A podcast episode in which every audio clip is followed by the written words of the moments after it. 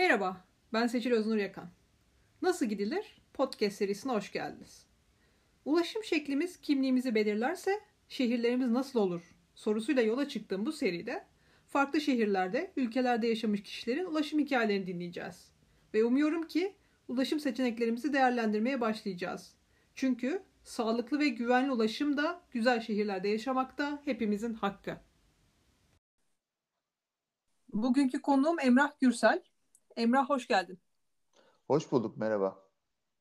Emrah Adana'da doğdu, büyüdü. Şu an Berlin'de yaşıyor. Ee, Adana'nın havasından, o hem sıcak havasından hem de insanların havasından Berlin'in biraz daha serin havasında yaşıyor ama Berlin'in tadını çıkardığını e, biliyorum.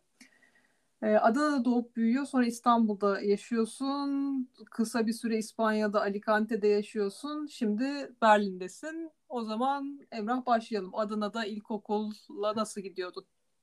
Ee, güzel. Adana'da hayatım aslında şöyle arabaya çok day- dayalı bir hayattı. Yani benim annem babamın arabası vardı. Hep bildiğim bileli özel arabamız. Ee, arabalardan nefret ederim bu arada ama bir şekilde çocukken çok fazla arabalarla arabayla gidip geliyorduk. Özellikle benim annem de çok yoğun çalıştığı için yani o zaman o dönem çünkü her anne çalışmıyordu. Benim annem çok yoğun çalışıyordu, bankadaydı.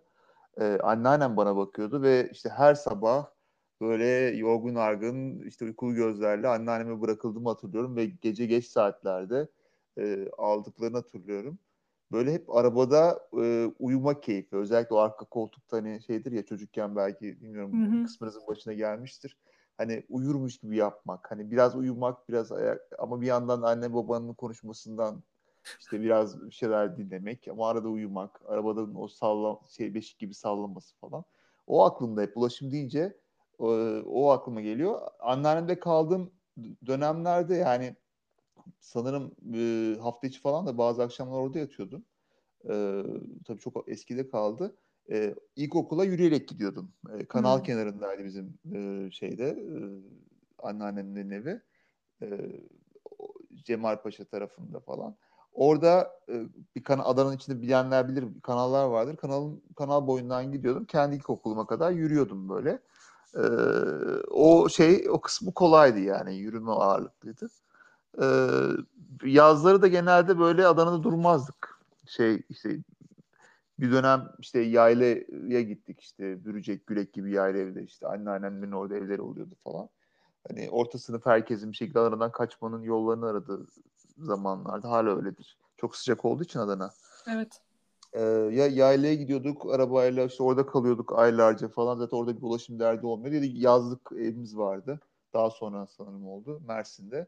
Orada kalıyorduk falan. Orada da böyle bir ulaşım yine derdi olmuyordu. Yani şey e, liseye kadar aslında benim toplu ulaşım şeyim ya da ortaokulda diyelim. Ortaokuldaki hafta sonları sinema kaçamakları dışında toplu ulaşım deneyimim çok şeydi kısıtlıydı. E, ya yürüyordum ya işte arabayla gidip geliyordum. Peki bu sinema kaçamaklarına nasıl gidiyor? Adana'da o zamanlar ulaşım nasıldı? Ee, Adana şey uzun zamanda hala biraz yeni yeni gelişti. Uzun yıllar Adana'da otobüs diye bir şey yoktu. Ya Adana dolmuş vardır. Hı hı. Ee, bir de böyle kısa otobüs diyorduk o zamanlar. Daha minibüsler vardır.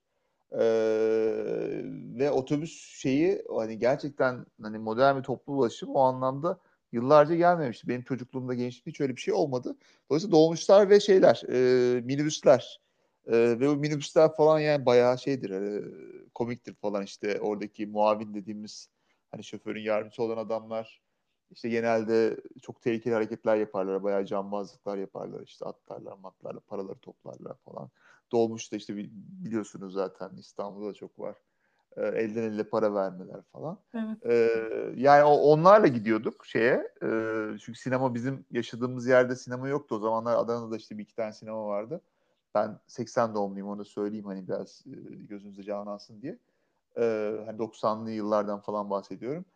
Şey e, dolmuşlar falan gidiyordum. Ya yani benim için o çok büyük bir şeydi yani büyük olma. Hani ya, ortaokuldayım tek başıma sinemaya gidiyorum falan. Çok güzel bir duygu. Yani e, şey e, zaten onun dışında da çok fazla şey e, dediğim gibi bu toplu taşıma şeyim yoktu. E, deneyimim yoktu. Lise peki? Lise lisede çok şey e, yani dramatik değişik dramatik değişiklik servis okul servis hayatıma girdi. Çünkü benim gittiğim lise Adana'nın güneyindeydi. İşte Fevzi Paşa Nedim Bey tarafında daha şimdi Adana'yı bilenler bilmeyenler için kuzeyinde bir daha yeni güya modern işte çok katlı binaların olduğu bir yer. Bir sürü ölçüden daha iyi iyi bir altyapısı olan bir şehir. Güney Hı-hı. daha böyle karışık. İşte daha e, bir şekilde daha yoksulların sosyoekonomik olarak daha zor koşulların olduğu bölgeler. Hani tabii ki iki bölgede iki kesimden insanlar var ama bayağı şehir bölünmüştür aslında kuzey güney gibi. Benim okulum güney tarafındaydı. Yani bayağı da uzaktı yani. Böyle tek dolmuşta falan gitmek mümkün değildi. İşte şeyim de evimde kuzeydeydi. O yüzden servis tabii yani servisle sabahın köründe servise biniyorduk. İşte servise gidiyorduk, geliyorduk. Son senesinde veya lise 2'de sanırım. Son, son, son senede yine tekrar servise geri döndüm ama e, dedim ki ya ben büyüdüm ya bu servis ne falan. Çünkü servise gitmek biraz çocuk şeyiydi ya hani. Evet evet. E, böyle hani daha delikanlı işte genç kız ol, olmanın şeyi ya ben tek başıma giderim falan e, şeyi vardı.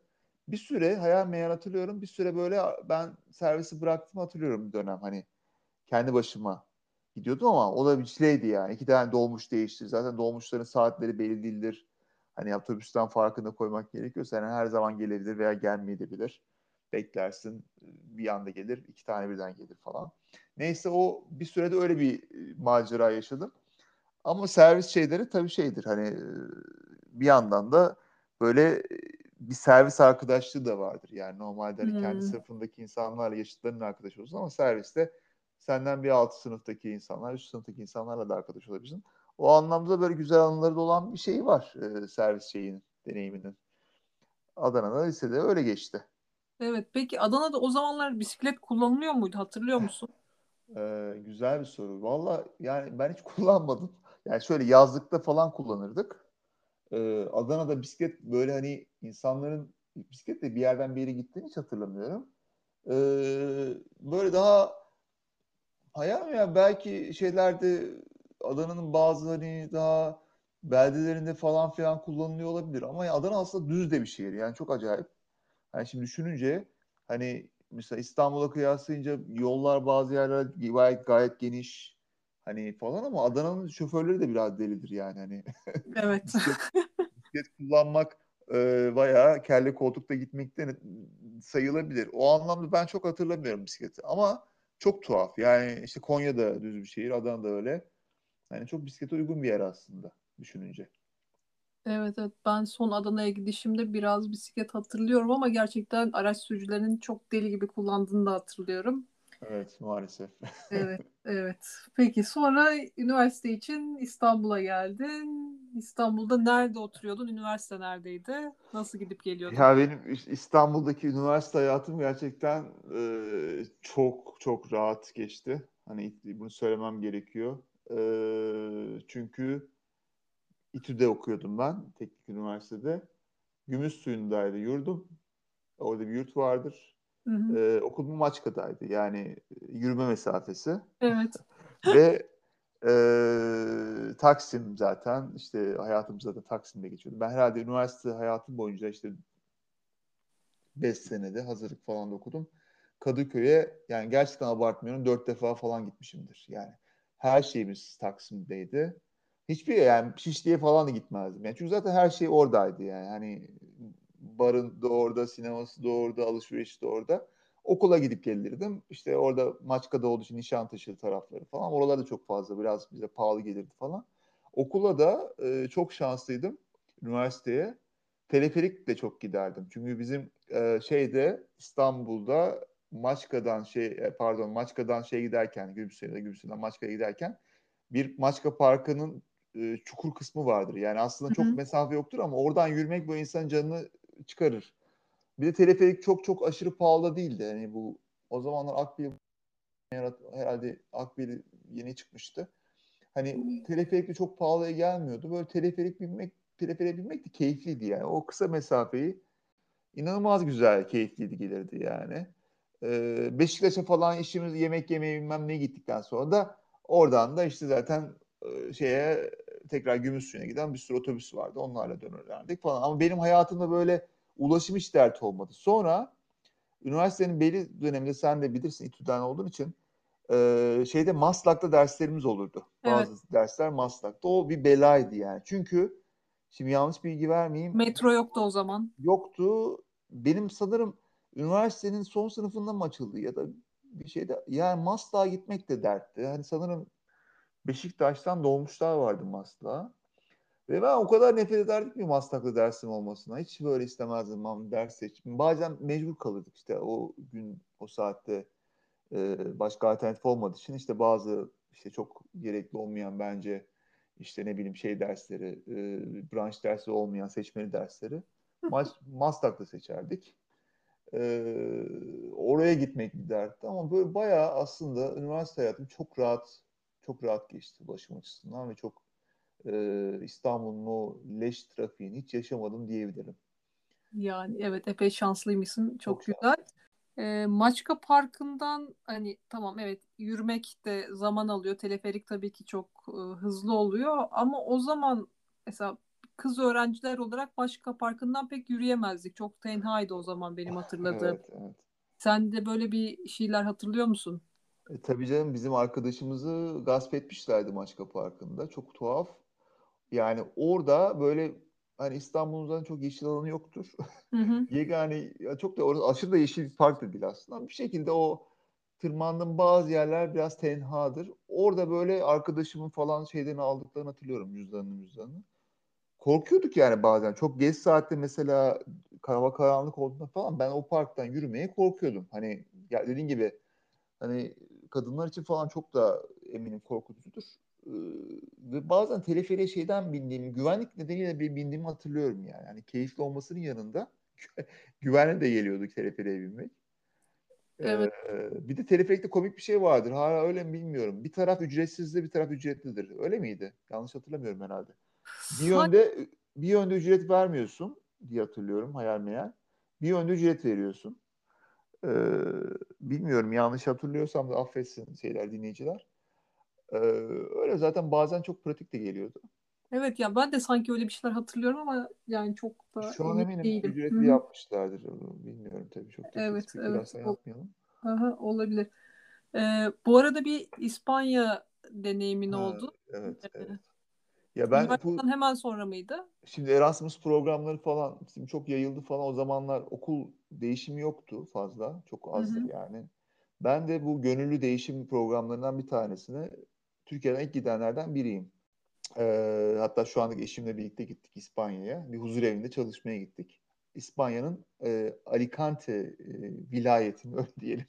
Alicante vilayetin Altea kazasında e, bir şey yani bir bayağı küçük bir sahil kasabası. Çok tatlı bir yer. Orada bir huzur evinde çalıştım. E, okulu dondurup gittim falan böyle 2002 yılında. Bir sene kadar orada kaldım. Orada bir ulaşım açısından benim açımdan çok travmatik bir yerdir. ee, yani ulaşım meselesi açılınca o iyi anılarım canlanmıyor orada. Hmm.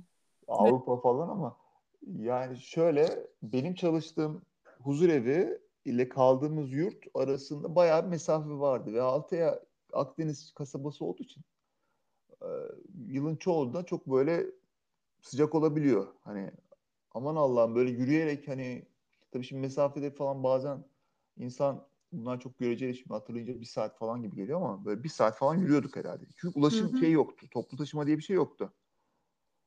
Yokuşlu hı. bir yoldu. Yani bisiklet falan düşündüğümü hatırlıyorum ama ya nedense o zamanlar bisiklet şeyi de yok herhalde. Bu biraz aslında tamamen ön yargı. Abi şimdi diyorum lan aptalmışım yani bisiklet al.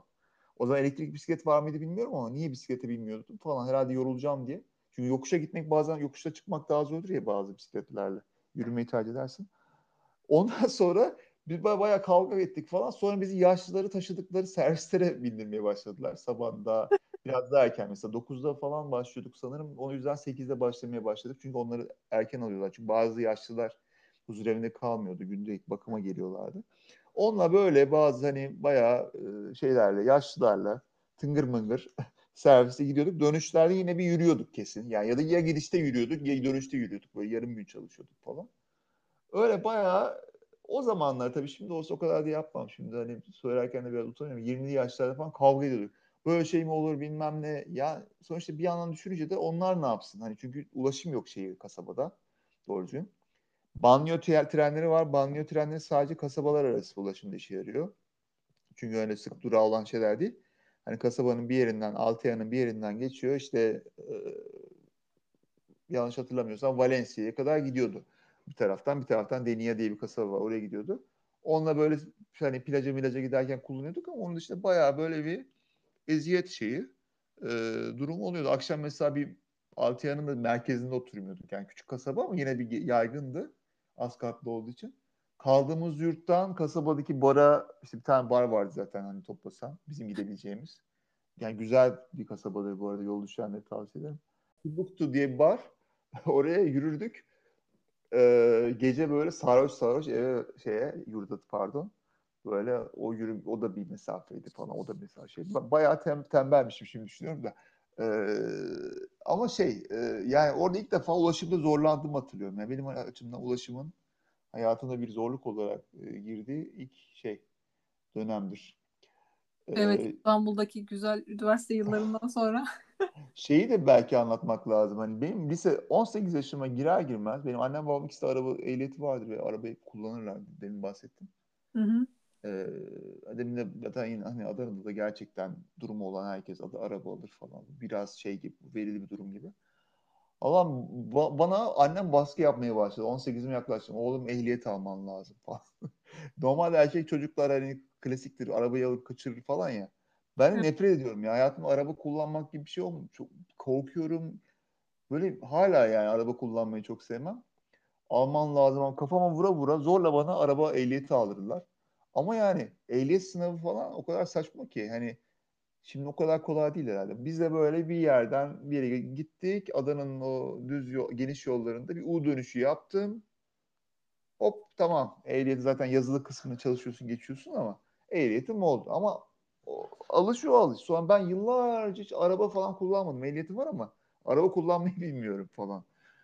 Ee, bir de öyle yani hayatım o yüzden hani hiçbir zaman Mesela İspanya'da falan da demin bahsettim hani ulaşım falan böyle araba kiralayayım. Çünkü mesela bizim arkadaşlarımız vardı araba kiralıyorlardı. Mesela ne bileyim ben Valencia'da bir festival oluyordu.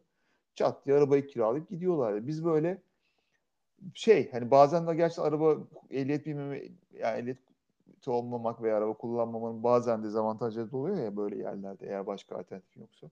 Gidemiyorduk falan o festivale. Çünkü arabamız yok ya da arabada yer yok falan. Araba kullanmayı bilmiyorum falan. Ama ona rağmen böyle inatla araba kullanmayı hiçbir zaman da böyle şey yapmadım o dönem. Düşünmedim yani. Ya ee, Keşke toplu taşıma yani güzel olsa da kimse araba kullanmak durumunda kalmasa zaten. Sonra İstanbul'a geri geldim. Son sene yine üniversiteyi bitirdim. Sonra bir işe girdim. Bir çok az çalıştım ama bir fabrikada. Şeyde ya ben şimdi demin de bahsettim ya Kadıköy hayatı dört defa geçmişim. Hı hı. Bir tane iş buldum şeyde e, Kurtköy'de. Evet. Allah'ım ya fabrikada. Sen de senin de var e, fabrika deneyimin anlarsın beni. Evet evet. Yanlış hatırlamıyorsam. Aha. Ya dedim Kurtköy neresi falan diye haritada falan yerini bulmaya çalışıyorum. O zaman daha Formula 1 falan var mıydı hatırlamıyorum. 2004 senesi. Kurtköy neresi ya ne yapacağım falan. Bakıyorum ben o sırada sanırım Mecidiyeköy'de artık yurttan eve geçmiştim. Mecidiyeköy'de yaşıyorum. Mecidiyeköy'de ayrı, ayrı bir hikayedir baktım Mecidiyeköy'den oraya servis bile yok. Hani yine servis hayatıma girdi. Yani şeyin fabrikanın servisi var ama Avrupa yakasına geçmiyor. Oh. Ne yapacağım, ne yapacağım, ne yapacağım. Hiç Avrupa yakası bana şey gibi yani ben hani ne bileyim ben e, hani Tatvan'a gitmek falan gibi benim için. Yani ne bileyim ben işte Rize'ye gitmek gibi falan böyle o kadar uzak yani bana Avrupa yakası, Anadolu yakası. Biraz abartıyorum gibi gelebilir ama gerçekten şey yok. Çünkü hani şeyleri falan da bilmiyorum, semtleri falan. Evet, Sonra evet. bir ev arkadaşım bir şekilde sağ olsun o da bir iş buldu karşıda falan. İkimiz birden Mecidiyeköy'ü bıraktık. Şenesen evlere taşındık. Şenesen ev, yani Bostancı'dan biraz önce minibüs yolda. Oradan servisle fabrikaya gitme hikayesi. Sabahın altısında kalkıyorum. Tıraş oluyorum. Çünkü gıda sektöründe bir fabrikaydı. Her sabah tıraş olmam lazım bilmem ne işte hazırlıklar bilmem ne. Sabahın köründe servise biniyorum. Sabah 8'de mesai. Sonra akşam 6'ya kadar çalış. Sonra geri servise gel. E, zaten akşam ben İstanbul Film Festivali falan takip eden birisiydim o zamanlar öğrenciyken. Mesela film festivali oluyor gidesim gelmiyor. İşte lan diyorum Şenesenevler'den Beyoğlu'na gideceğim birkaç saat.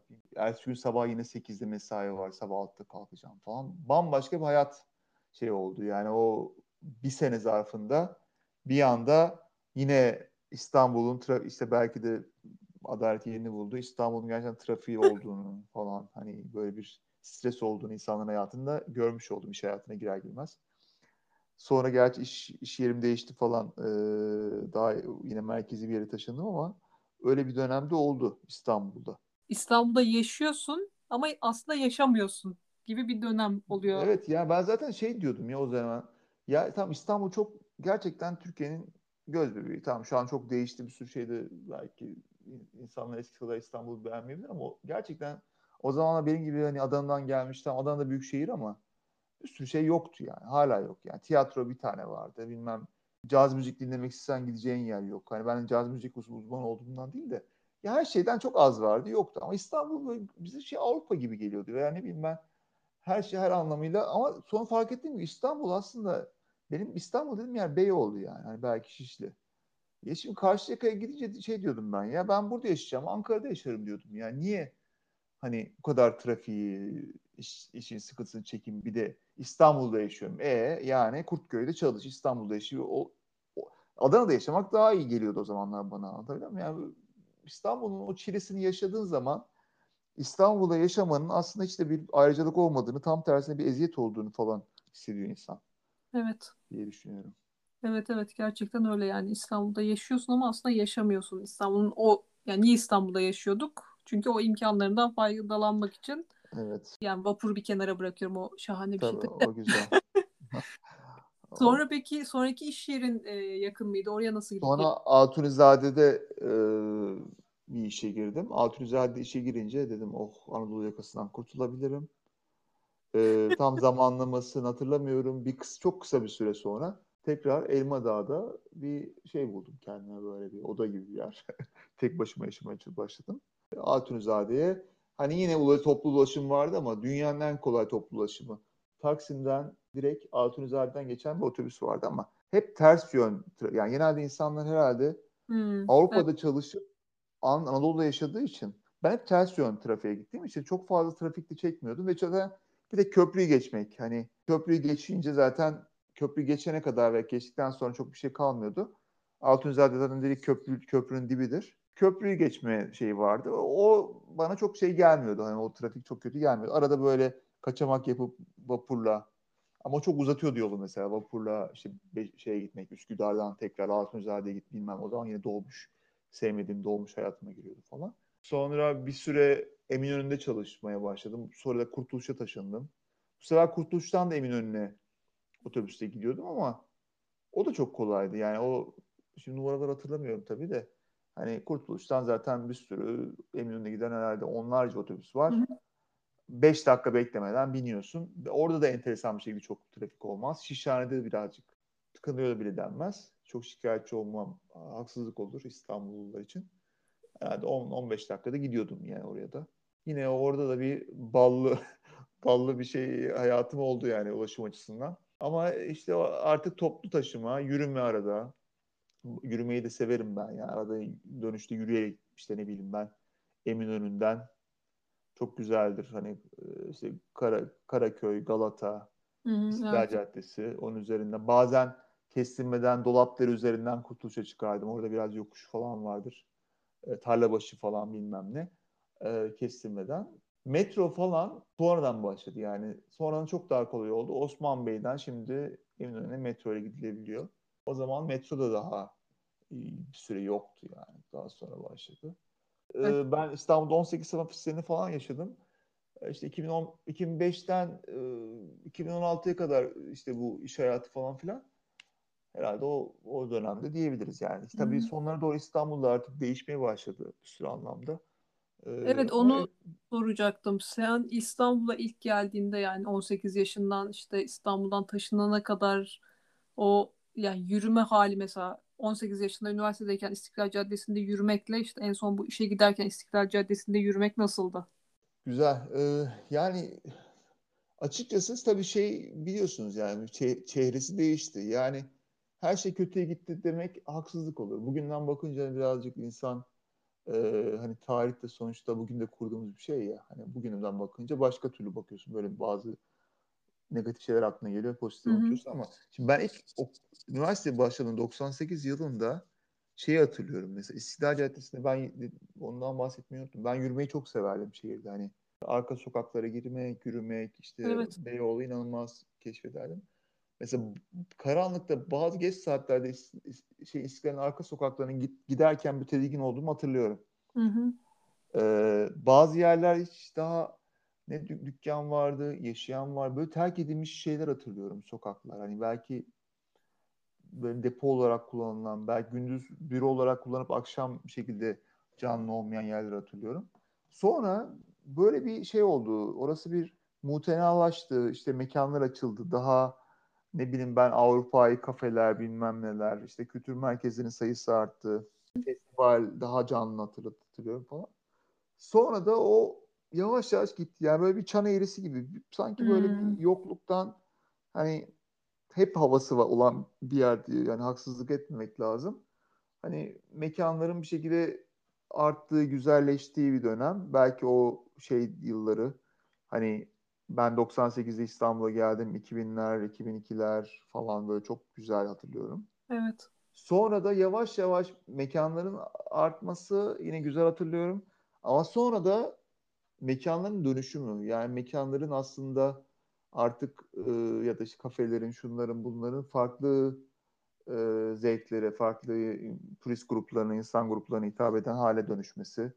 İşte ne bileyim ben hani biz nargile kafeye falan da giderdik ama biz Tophane'de nargileciye gitmek güzeldir. Hani orası şeydir. Daha böyle şey gelirdi mesela Tophane'ye o zamanlar gitmek. Daha otantik böyle hani gerçekten sanki Os muhtemelen öyle değildir ama Osmanlı'dan bu yana gelen bir geleneğin bir şeyi. Hani muhtemelen o da sonradan kurulmuştur Tophane'deki nargileciler. Ama his olarak sanki böyle şehrin tarihsel bir şey yanını yansıtan bir şey. Yani Tophane'ye gitmek.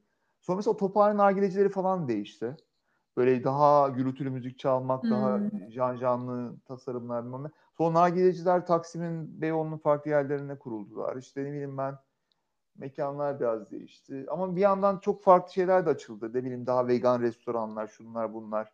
Hani lineer bir değişim değil ama çok çeşitlendi ama insan o sırada tabii eskidiğini de hissediyor. Yani bazı şeylerin hani ya ben artık herhalde bir, ben ya ben yaşlandım ya şey oldum. Buralar çok bozuldu ya değişti. E sonra ben Kurtuluş'ta yaşadığım dönemde son işte terör saldırıları falan çok olmuştu o ara. Bir ara hatırlarsın belki bombalar bilmem ne. Yani sırf onlara korku değil böyle bir tadımız kaçtı. Yani şehirden keyif almanın birisi kaçtı. Böyle Taksim'e gitmek gezi oldu falan. Gezi isyan isyanı zamanı falan. Sonrasında böyle bir Taksim'in de sanki şeyi emek emek sineması bilmem ne bir şekilde benim gözümdeki bu büyüsü kaçmaya başladı. Ve ben yaşla da ilgili herhalde insanın yaşıyla gelir durumuyla falan da ilgili. Bu Nişantaşı'na falan gitmeye başladım. Böyle artık Hani Kurtuluş'tan Nişantaşı'na yürüyorum falan. Nişantaşı'na tabii en lüks yerlerine takılmıyordum ama gidiyordum. Oradaki muhallebicide takılıyordum. Oradaki kafede, kafe nerede oturuyordum. Taksim'e gitmek istediğim zaman da şeye gidiyordum hep. Bir şekilde bana o daha güzel geliyordu. Galata. Hmm. Bir süre o tarafta çalıştım ben bu arada. Tophane'de falan da bir şeyim vardı. Galata. Ne bileyim ben tünel falan. Oralar böyle daha şey, daha bohem mi diyelim. Daha farklı geliyordu. Daha sakin belki. Sakin. Ya şu anda mesela İstanbul'a bayağıdır gitmiyorum. Şu an gitmeye korkuyorum mesela oraya. Hani evet, arkadaşlarımdan onu... fotoğraflar falan geliyor. Bir sürü mekan kapanıyor bilmem ne. Ee, hani bayağı bir yaralayıcı ve travm travmatize edici olabilir diye gibi geliyor.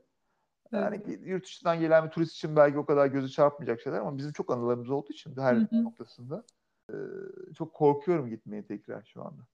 Evet yani gerçekten e, ben de dönem dönem öyle hissediyorum. Peki şimdi Berlin'desin, sakin bir yerdesin. Sakin derken e, buru, Almanlara sorsan Almanya'nın en karışık yeri burası yani. o çok göreceli. Yani ben mesela 2016'da buraya geldim. 2016'nın ikinci yarısında. Aa ne güzel ya hayat burada. Bisiklet, park falan. Sonra Alman arkadaşlarla falan konuşuyor özellikle diğer bölgeler. Ya böyle daha yaşlı jenerasyon falan e, tipler. ya Berlin çok tehlikeli falan veya çok karışık, çok gürültülü, işte çok bilmem ne falan dedikleri zaman ya dedim yani demek ki Berlin de Almanya değil yani. Bura başka bir şey. Ve İstanbul'dan aslında iyi bir geçiş Berlin o açıdan. Yani İstanbul'un aslında nasıl diyeyim? Ya İstanbul'un gerçekten çok iyi bir belediye yönetimi tarafından 20-30 senede yönetildiğini düşün. Herhalde Berlin gibi olur yani iyi ihtimalle. Evet, evet. Hani bir asla bir şey olmaz. Hani bileyim ben Almanya'nın daha orta ölçekli veya zaten büyük de bir şehir İstanbul. Hı hı. Hani o anlamda İstanbul gibi hatta İstanbul'u böyle çok benzer şey mesela Kreuzberg tarafındaki bazı caddeleri falan Mecidiyeköy'e benzetirim. O Mecidiyeköy iğrenç. Hani üst geçit e, değişti bilmiyorum da hani meydanında böyle çok Hmm. kötü bir e, gürültülü işte üst geçitlerin olduğu bir yer alanı vardır ya. Evet. Mesela o kadar belki değil ama mesela oraya Kreuzberg'in de şeyi Cottbusser Tor tarafı işte o Kreuzberg'in Kreuzberg'in merkezi diyebiliriz. Orası da bana o Mecidiyeköy falandır. Hani ama tabii ki yani genel olarak baktığında Berlin e, o, anlamda cennet bir sürü anlamda. Hani ulaşım anlamında da e, yaşam standardı anlamında da e, çok iyi. Ya çok da övmek istemiyorum. Çok gelen oluyor diyormuşum. Bu arada böyle şimdi pandemi nedeniyle duruldu da bir ara e, yani bana her hafta ya bir arkadaş oraya geldi yardımcı olur musun falan. İşte çok şey var burada. e, New Wave, yeni dalga diyorlar. Türkiye'de insan çok geldi son dönemde. Gelsinler zaten. Gençler, e, işte IT sektörü, doktorlar, yani çok pırıl pırıl insanlar. Ben tabii geç bir yaşta geldim. 35 yaşındaydım. Geldim 36 yaşındaydım. Pırıl pırıl insanlar 20 yaşlarına falan geliyorlar yani.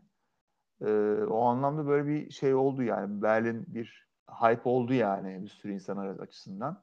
Hı hı. Ee, ama gerçekten büyüsü olan bir yer. Şimdi bir oğlum var. Ee, hani onu nasıl okula götürüyorsun? Yani İstanbul'da Hmm. onu nasıl hı. okula götürüyordun? Yani Berlin'i seçme yani insanların Berlin'i seçme nedeni hani belli. Ulaşım çok Evet, hayat Türkiye'ye göre çok daha rahat. Aha. Ya evet o iyi bir o iki sordun çok önemli bir detayı atladık. Şimdi ben araba uzun süre kullanmadım ve nefret ediyorum dedim ya. Ediyorum hala ediyorum. Tabii sonra bir çocuğumuz oldu 2015'te. Ve yani Allah'ım hani mesafeler hiçbir zaman uzak değil ama bebekle o kadar zor ki her şey. Otobüse binmek, otobüs beklemek. Çünkü yani bir hastaneye gitmen gerekiyor acil. Bir şey olması gerekiyor. Yani taksiler falan var ama bazen taksi bulamıyorsun. Ya bir şekilde ben ilk defa hayatımda araba alma ihtiyacı duydum. Ve o sırada çalıştığım yere de e, o sırada çalıştığım yer işte şeyde e, e, Santral İstanbul'da çalışıyordum bir ara. Hı hı. Oraya gitmek otobüsle inanılmaz zor. Arabayla kurtuluştan 5 dakika falan. Çocuk da oldu bilmem ne. Ya dedim araba almamız gerekiyor yani. Ve hiçbir fikrim yok yani. Yani hangi arabayı alacağım? Arabaların modelleri umurumda bile değil. Araba kullanmayı da bilmiyorum. Allah'tan ehliyetim var falan. Sonra eşim Esra e, o ehliyet al- almak için kursa gitti. Ben de direksiyon dersi aldım bayağı. Yani bayağı direksiyon hocasını falan delirtmiş olabilirim. Çünkü şey hem korktuğum hem de sevmediğim için bayağı böyle şey oluyor. Yani mallaşıyorsun falan direksiyonda böyle korkuyorsun falan böyle kilitleniyorsun. Benim eşim Esra da çok rahattı ekstra. Hani o çünkü yeni alınca insan şey yapmıyor. Ben hani az çok bir İstanbul trafiğinden de korkuyorum. İnsanlar da manyak olabiliyor. Duruyorsun mesela arkadan dat dat korn- kornaya basıyor. Öyle bir arabalı hayatım oldu. O yüzden Berne gelmek yani arabayı bırakıp geldim. Arabayı satıp geldim. Berne gelmek o anlamda çok iyi geldi. O arabaya muhtaç olma hali. Yani itiraf edeyim arabanın bazı şeyleri de oldu yani. Hani iyi yanları ne bileyim ben hafta sonları mesela bir yere gitmek istediğinde atıyorum Polonezköy'e gitmek istiyorsun. Çat diye gidebiliyorsun falan. Hani şeyle çok zor ulaşım Hı hı. top taşımayla veya işte bir sürü yere taksiyle gitmek zorunda kalıyorduk. Taksi masrafları düştü falan. Ama günün sonunda o arabadan kurtulup buraya gelmek çok iyi geldi. Ama tabii Berlin'de her şey güllük gülistanlık değil. Burada iki tane mesele var. Biri ev bulma, biri de kreş bulma. Hmm. Ev ve kreş bulma iş bulmaktan daha zor. Biz tabii ev bir kreşi evi bulduk. Bulduğumuz kreşle ev arasında yaklaşık bir 3-4 kilometre falan var ki burası için iyi bir mesafe. ee, otobüsle otobüsle gidebiliyorsun. Metro bir şekilde ters geliyor. Evet, aktarma gerekiyor. Otobüs de böyle çok yavaş gidiyor. Yani bir sürü durak bilmem ne. Bazen o da gerçekten geliş, gecikebiliyor ve bizim bindiğimiz otobüs durağı binince inanılmaz soğuk. Bazen böyle hani otobüste gidiyorsun bir sürü durak bilmem ne. Bir de yani benim oğlan da hiç sevmiyordu otobüste olmayı. Bir ağlıyor böyle herkes tip tip bakıyor. O zaman tabii yeni gelmenin şeyi çok farklı yani göçmen hissi. Bazen o kafaya da giriyor insan. Dil bilmiyorsun bilmem ne çekiniyorsun yani. Hani çocuğu abi yine çekiniyorsun şu anda kafam olsa çekinmem de. Yani durmuyor, sinirlerim bozuluyor falan. Sonra dedik ne yapalım ne yapalım falan derken şeyi keşfettik. Bu kargo bisikletler. Üç tekerli. Hı hı. Bir e, kendimize kargo bisikleti almaya karar verdik. Çünkü kargo bisikletlerin bir sürü avantajı var. Bir çocuğu öne oturtabiliyorsun çok güzel. Yani bir sürü kişi aslında normal bisikletin de arkasına bir e, çocuk koltuğu koyup taşıyordu ama biz çok bisiklet deneyimi olan insanlar olmadığımız için ben çok iyi kullanıyordum falan ama çok iyi derken tabii ki övmek gibi oldu. Öyle bir mükemmel profesyonel kullandı ya. Yani kullanmayı biliyordum. Ama Esra yeni yeni öğreniyordu eşim. Ya bu bize güven de geldi. Üç tekerli bilmem Bir de böyle şey çok hoşumuza gitti. Hani üç, önünde kocaman bir alan var. Al böyle kasa kasa birayı koy veya al git pazarında alışverişini yap. Her şeyini koy. Evet. Böyle kamyon gibi yani. yani aslında önüne şimdi Mahir oturuyorduk. Onun önüne bir sürü şey koyuyorduk falan. Onunla ben e, şey yapmaya başladım. E, Mahir'i kreşe götürmeye başladım. Ve şöyle bir şey yapıyordum. Sabah götürüyordum Mahir'i. Kreşin bahçesi güvenliydi. Bahçeye park ediyordum kargo bisikleti. Sonra kendi ofisime gidiyordum oradan bir iki durak otobüs durağıyla veya yürüyerek. Sonra e, Esra akşam ikimizde anahtar vardı. Aynı bisikleti alıyordu. Mahir'i eve götürüyordu falan. Ya çok güzel. Yani oraya park ediyorduk bisikleti. Sonra baya böyle bir, bir buçuk sene falan böyle taşıdık Mahir'i.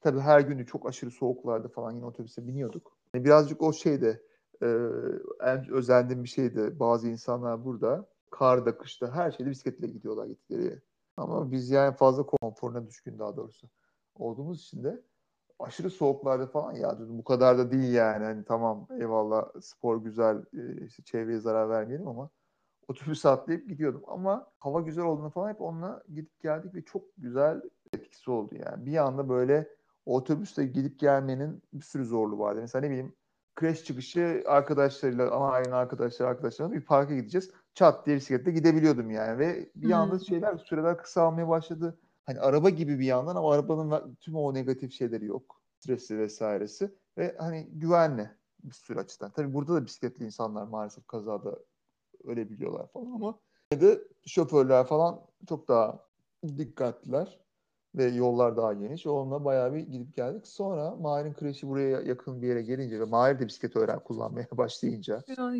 çok küçük yaşta e, ona bir şey aldık. Denge bisikleti deniyor. Bilmiyorum Hı-hı. biliyor musun? Pedalsız evet. küçük çocuk bisikleti.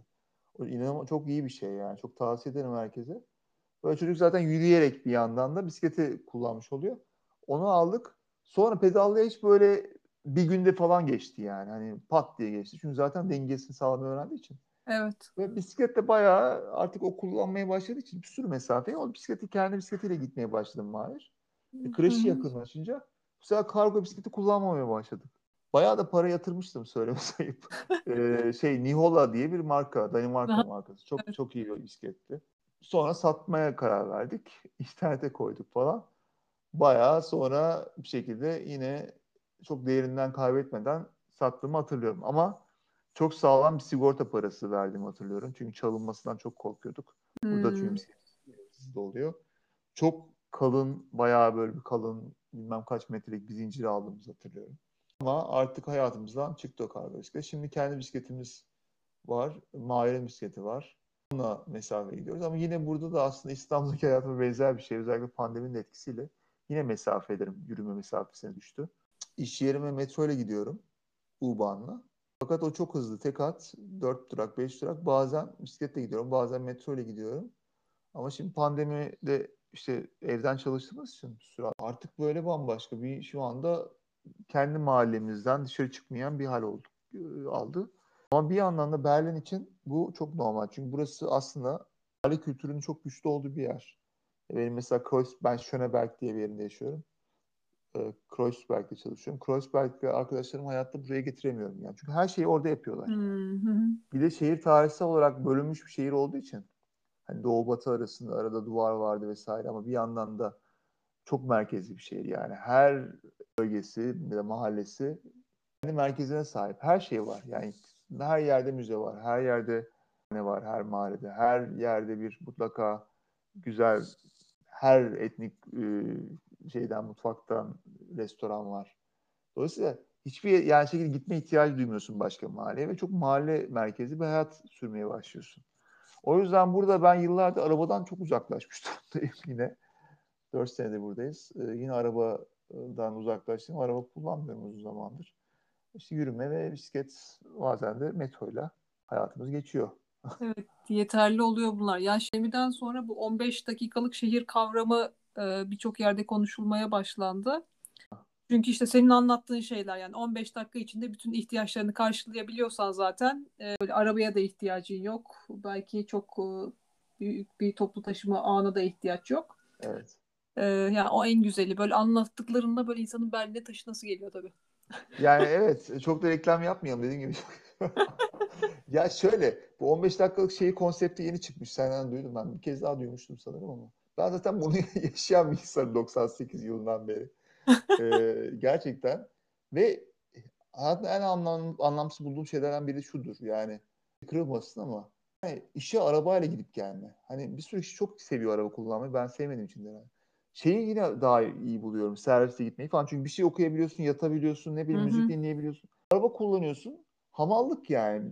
Hamallık da çok özür dilerim. Çok politik olarak doğru olmadı. Özür dilerim tüm hamallardan. Kötü bir şeymiş gibi hamallıkta. Yani çok büyük bir yük, çok büyük bir yoğunluk büyük bir stres. Yani ne kadar gereksiz geliyor bana. O 40 dakika, 50 dakika, 100 dakika yolda gidiyorsun, geliyorsun falan. Ve şey çok, çok anlamsız geliyor. Şimdi bunlar çok orta sınıf laflar. Bir sürü işçi sınıfından insan, işsiz insan için bunlar hayatın vazgeçilmez şey değil. O anlamda da şey lütfen şımarıkça algılanmasın ama alternatif olup yani arabasız bir hayat alternatif olup bunu yapmayanları da anlamıyorum. Yani iş yerine yani ne bileyim ben 5 metrekare küçük bir evde yaşa ya da ne bileyim ben belki istediğin kadar iyi bir ev olmasın veya ne bileyim ben evim var onu kiraya ver falan. Yani böyle lüksü olup yani böyle bir şey, seçme şansı olup da yapmayan insanlar da var. Onu hiçbir zaman anlayamadım ben. Yani arabayla bir yerlere gidip gelme veya uzun mesafe gidip gelmenin bazı insanlara cazip gelmesi veya bunu normalleştirmeleri. Çünkü inanılmaz bir hayat, süre hayatımızdan çalınmış ol, olmuyor mu? Yani günün Oluyor. saatini, iki saatini böyle bir şey için harcamak ve çok yorucu bir şey için harcamak ben hiçbir şey, hiçbir şey yapmayayım ayağını uzatmak veya insanlara sohbet etmek veya hiçbir şey uyumak yani bile daha değerli geliyor bana. anlamda Berlin o şey o imkanı sunan bir şehir kesinlikle. Çok yani doğru diyorsun hani hayatımızdaki ne değerli işte araba statüsünü göstermek yani arabanın olduğunu göstermek mi senin hayatına değer katıyor yoksa işte parkta çocuğunla oynamak mı senin hayatına evet, değer katıyor evet, gibi böyle evet. çok basit bir matematiği var bence de. Bir, bir de burada şöyle bir şey var yani Berlin'in. Burada mesela arabalar çok ucuz ya hani hani hem vergiler nedeniyle hem işte BMW bilmem Mercedes falan burada üretilen arabalar. Yani Türkiye'de lüks diyoruz ama burada mesela ikinci elini almak gerçekten çok büyük bir sorun değil. Yani normal işi olan bir herhangi birinin alabileceği fiyatlar. Öyle bir cezbedici yanı da var. Beni hiçbir zaman cezbetmedi ama biraz arabaya düşkün olan bir insan çat diye hemen kanabilir ya. Ya Mercedes'im mi olsun falan. Hiçbir öyle bir hayalim olmadı hiçbir zaman da e, herhalde olmaz da. O yüzden hani şehir çok uygun şeye ama burada araba endüstrisi ve araba lobisi de çok güçlü ya bir yandan. Evet. Hani gerçi son dönem yeşiller falan yükseliyor ama arabalar inanılmaz ucuz. İnanılmaz erişilebilir. E, o anlamda öyle bir şey de var. Öyle bir e, eğilim de olabiliyor bazı insanlarda araba. Yani yeni gelenler çok daha az ama burada yaşayan, uzun yıllar yaşayan insanlar, burada doğmuş insanlar da e, bazen özellikle bizim hemşehrilerimizde, Türkiye'lilerde lüks araba şeyi tutkusu yaygın diyebilirim. Hı hı, maalesef evet evet. Ah, evet. Öyle Emrah. Teşekkür ederim. Yani çok şey güzel özetledin konuyu. O bu araba tutkusundan ne zaman vazgeçeceğiz yani bilmiyorum ki dediğin gibi Almanya'da aslında otomotiv sektörünün çok güçlü olduğu bir yer. E, Alman ekonomisine çok katkısı var. Hani aklımıza böyle bisiklet denince Almanya'da geliyor aslında. Ama oradaki bisikletlilerin de hala kendi yollarını savunmak için ne kadar uğraştıklarını biliyorum. Böyle sana, Esra'ya ve Mahir'e Berlin'de bisikletli ve böyle rahat rahat e, hayatınızın devamını diliyorum. Çok teşekkür ediyorum. Ben teşekkür ederim her şey için. Herkese iyi günler. Siz de görmüşsünüzdür kendi gözlerinizle ya da internetteki fotoğraflardan. Benim kargo bisikletleriyle taşındığını gördüğüm şeyler. Çocuklar, çiçekler, hayvanlar, mobilya, buzdolabından koltuğa kadar, posta, market alışverişi ve birçok şirket market alışverişlerinin teslimi için kargo bisikleti kullanıyor. Haberimiz Fransa'dan. Veligo uzun dönem elektrikli bisiklet kiralama servisi sunan bir şirket. Şu an 15.000 pedal destekli bisikletleri var ve yanına da 500 tane kargo bisikletini ekliyorlar. Elektrikli bisikletleri ayda 40 euroya, kargo bisikletlerini ise ayda 80 euroya deneyebiliyorsunuz. Amaç Paris Belediyesi'nde yaşayanlar için arabaya alternatif oluşturmak.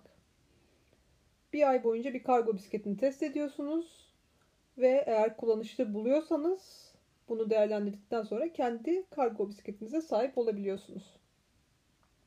Şirket aynı zamanda bisikleti verirken güvenli sürüş için eğitim de veriyor eğer isterseniz. Bir haberde Ikea'dan. Ikea'nın bağlı olduğu Inka grubu 2025 yılında %100 sıfır emisyonlu teslimat hedefliyor.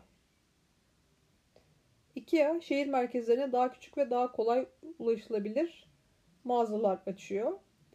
Ikea, İspanya ve Almanya müşterileri için kargo bisiklet sunmaya başladı. Böylece Ikea'dan aldığınız ürünleri arabasız da olsanız elektrikli kargo bisikletinizle evinize götürebiliyorsunuz. Daha dar yollarda daha az kirlilik ve gürültü yaratıyor elektrikli kargo bisikletleri. Emrah'ın bir dönem yaşadığı Altea'da Valencian dili konuşuluyor. Az sonra Valencian dilinde nasıl gidilir duyduktan sonra Emrah'la beraber Kreuzberg'de bir yürüyüşe çıkıyoruz. Comme